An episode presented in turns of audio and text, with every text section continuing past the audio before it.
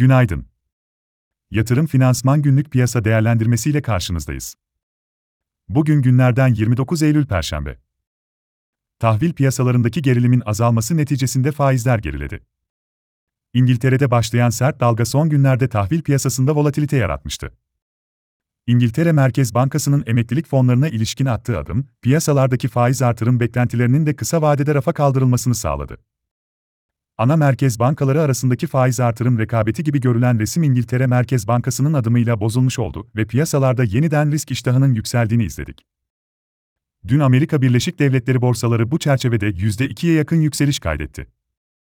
DXY güçlü görünümü koruyor fakat zirve bölgesinden gerileme söz konusu. S&P 500 3600 üzerinde kapanması ise teknik anlamda olumlu. Bu sabah Amerika Birleşik Devletleri vadeli kontratlar sakin seyrederken, Asya piyasalarında ise iyimser bir hava var. Biz de pozitif açılış bekliyoruz. Mevcut fiyatlama, BIST'te orta uzun vadede biriktirme açısından fırsat sunmaya devam ediyor.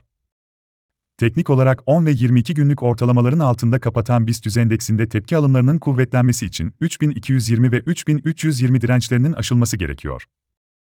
Geri çekilmede ise 3150 ve 3120 destekleri takip edilebilir. Türkiye 5 YCDS primi güne 780 puanda başlıyor. İçeride bugün Eylül ayı ekonomik güven endeksi ve haftalık menkul kıymet istatistikleri takip edilecek. Amerika Birleşik Devletleri'nde ise 2022 ikinci çeyrek dönemi büyüme verisi son kez revize edilecek. Beklentiler daha önce açıklanan %0,6 oranındaki daralmanın değişmeyeceği yönünde. Ayrıca haftalık işsizlik maaşı başvurularıyla birlikte bugün Federal Açık Piyasa Komitesi üyelerinden açıklamalar gelmeye devam edebilir. Yatırım finansman olarak bol kazançlı bir gün dileriz.